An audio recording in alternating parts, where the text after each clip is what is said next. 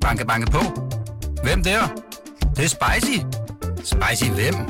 Spicy Chicken McNuggets, der er tilbage på menuen hos McDonald's. Badum, bom, tji.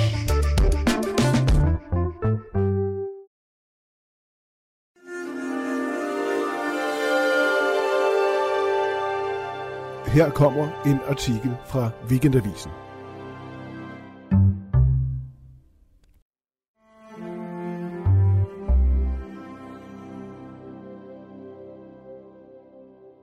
Planeten er en eksplosion af lyde indeni og udenpå. Nogen står den selv for, andre har vi forårsaget. Jeg har læst en bog af Kasper Henderson, der hedder A Book of Noises, og da jeg selv er en lille bitte smule støjallergiker, så tænkte jeg, at der måske var svar at finde her. Jeg har kaldt min artikel for Himmelsk og Helvedes Lyd, og jeg hedder Synne Rifbjerg. Af og til, når jeg er på landet i et hus, der ligger på en pløjemark uden nære naboer, kan jeg gribe mig selv i at overveje, om jeg egentlig er død, fordi der er så stille. Stilhed er en sjælden luksus, og det er en ren tilståelsessag, at jeg synes, verden larmer. Af en eller anden grund har vejarbejde og metrobyggeri været en fast følgesvend på skiftende adresser de sidste mange år i København. Asfalt er skåret op i kilometermål, fræsende, vinende maskiner har raset i gaderne.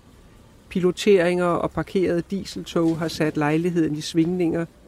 Alle bakkende lastbiler bipper højlydt, mens deres orange lygter kaster gullige skygger ind gennem vinduerne. Stilaser bankes op og befolkes af mennesker, der hører høj musik fra morgenkvisten, så det runger gennem stålrørene. Indimellem er der så de almindelige udrykninger, der med større og mindre intensitet befolker døgnet.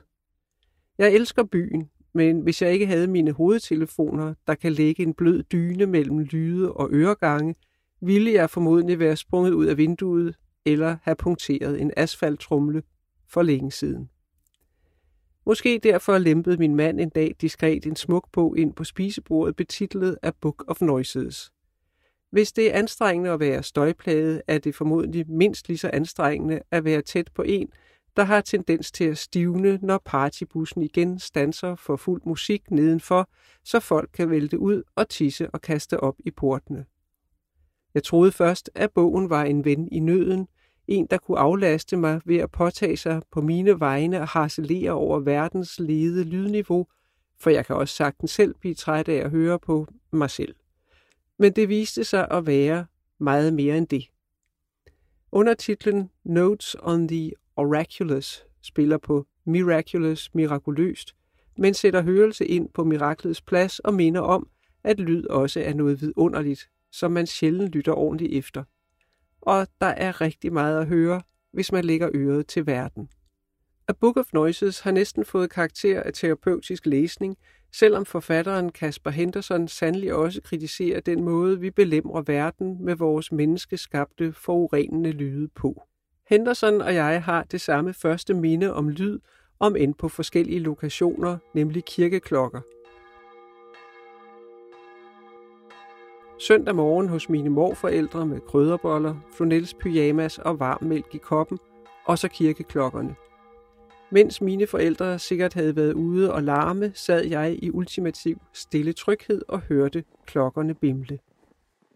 Der er ingenting i verden så stille som sne, skrev forfatteren Helge Rode i sit digt fra 1886, og der hører sne i mine morforældres have med til kirkeklokkernes klang. Stilhed kan findes på skrift eller synges. De første lyde, man hører, må stamme fra moderkroppens store orgel, der findes et omfattende repertoire af såkaldt hvid støj beregnet på at få babyer til at sove. Forleden fik jeg mit barnebarn til at falde om kul til lyden af en i mine ører ulideligt høj hårtørre, anbefalet af barnets forældre, så der var ikke tale om overgreb, så lige den støj var kærkommen.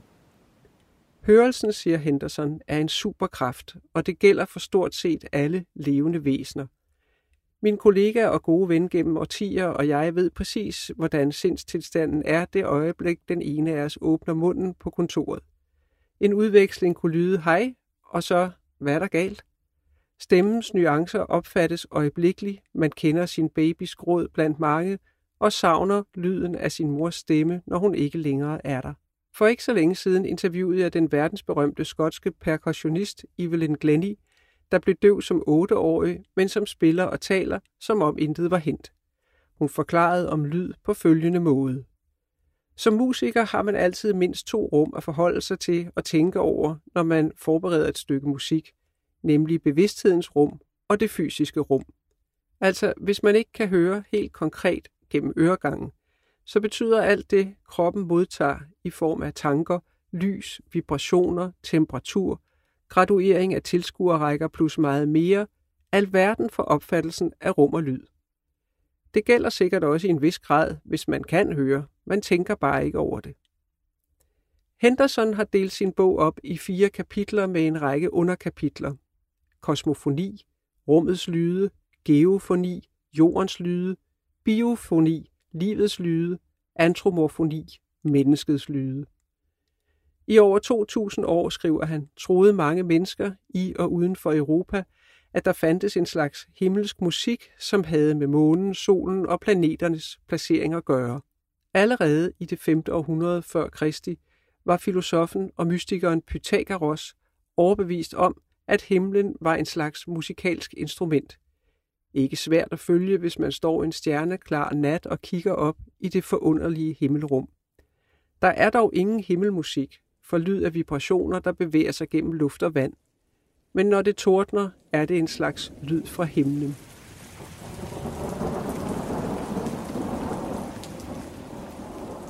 Med sin tordenryst udfører Gud under, og han gør store ting, vi ikke forstår.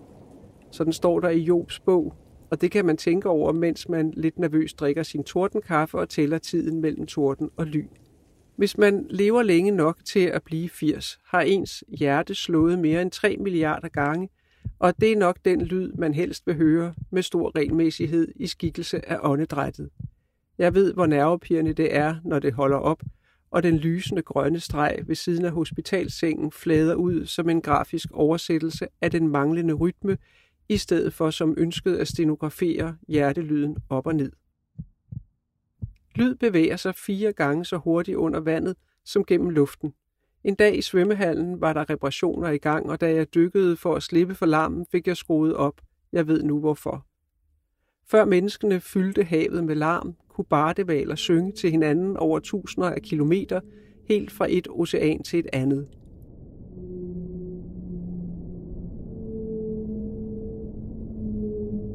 Henderson forestiller sig, at den sirenesang, der hos Homer lokker Odysseus, så han må binde sig til masten og putte voks i ørerne, måske i virkeligheden har været valsang, antikkens søfolk har berettet om.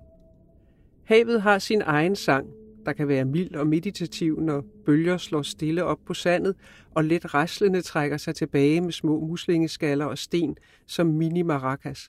Eller helt vanvittigt larmende, jeg har selv forbløffet ligget vågen i timevis ved lyden af bølgers voldsomme slag mod en kyst i Karibien. Mens jeg skriver, er der vulkanudbrud i Island. Lyden af en sovende vulkan er blevet beskrevet af The Infrasound Laboratory of Hawaii som et uhyre større, end man kan forestille sig, der nynner for sig selv i en enorm hule. Plus en gamelan, det er javanesiske bronzegonger og metallofoner på bunden af havet, der spiller sammen med elektroniske piccoloer. Man kan ikke høre lyden med det blotte øre, men lyde og vibrationer fra tektonisk og vulkansk aktivitet er nogle af de kraftigste og mest gennemtrængende, der findes blandt planetens lyde. For det menneskelige øre er en vulkan i udbrud til gengæld noget af det kraftigste, man lydmæssigt kan komme ud for. Et kapitel hos Henderson hedder Lyden af klimaforandringer. Den 28. maj 2008 rev et gigantisk område så løs fra Ilulissat-gletsjeren i det vestlige Grønland, og i løbet af de næste 75 minutter tumlede flere over 1000 meter høje stykker ud i fjorden og vendte bunden i vejret. Is altså.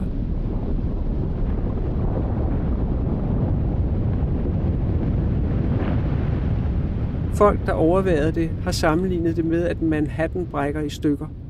Se videoen Chasing Ice på YouTube. Det er et skræmmende syn med et uhyrligt soundtrack. knagende, stormende uhygge. Man kommer til at tænke på helvede på jord, et almindeligt udtryk for noget ulideligt, også på engelsk. Ifølge Henderson er helvede på jord et menneskeskabt fænomen.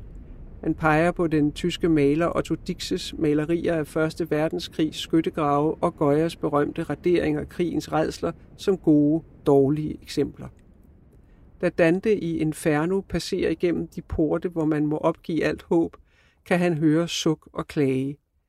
Det er ord, der er smerte. Lyden er så intens, at den gør fysisk ondt. Selv uden at have været i helvede, kan lyde gå gennem mag og ben, og de fleste kender særlige lyde, de ikke magter, og her kan jeg godt lave et cirkelspark tilbage til asfalt, der bliver fræset op. Naturligvis er den ultimative drøm om en verden uden larm et mareridt. Det sidste, der forsvinder, når man dør, er følesansen og hørelsen. Men så er det også slut. Helt forbi. Som Hamlet siger hos Shakespeare, the rest is silence, så er han væk. Total stillhed findes ellers ikke selv de få øde steder, der eksisterer på kloden, fordi vi altid vil kunne høre os selv, vores hjerteslag, blodet, der suser i årene. Den amerikanske komponist John Cage gik ind i et lydtæt rum og hørte to lyde, en dump brølen og en høj vinen. Begge dele kom fra ham. Han komponerede sit mest berømte stykke, 433, inspireret af sin oplevelse, hvor musikerne forbliver stille i 4 minutter og 33 sekunder, med blikket rettet mod et tomt nodeark, hvor kompositionen så at sige står. Ideen er, at man skal blive opmærksom på de lyde, der omgiver en. Måske lyden af et publikum, der rejser sig og går fra denne særlige, tavse og meget berømte koncert. Stilhed før stormen antyder et ildevarslende fravær af lyd, og når en engel går gennem stuen, er der tale om en akavet stilhed enten fordi nogen har sagt noget forkert, eller fordi ingen kan finde på noget at sige. Man kan tige noget ihjel, men man kan sandelig også larme noget frem i positiv forstand. I denne tid ulmer endnu et folkeligt oprør i Iran.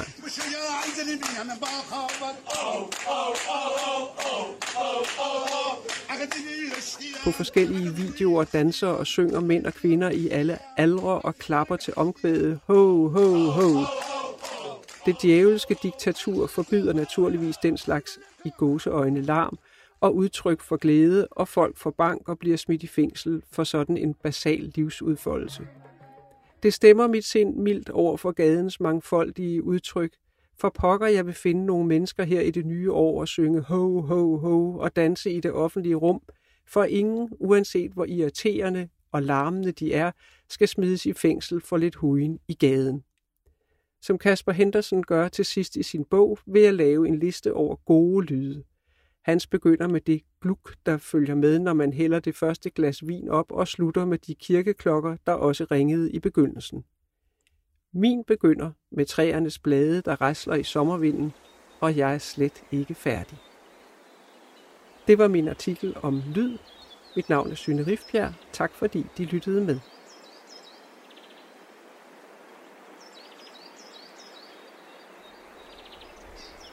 Tak for at lytte med, og hør alle Weekendavisens artikler på weekendavisen.dk.